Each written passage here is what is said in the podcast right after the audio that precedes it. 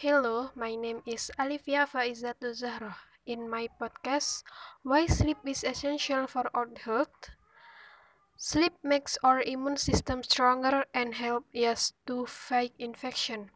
It is our body mechanism to ward off infection. When we do not get enough sleep, our immune system will be weaker, making us more susceptible to illness.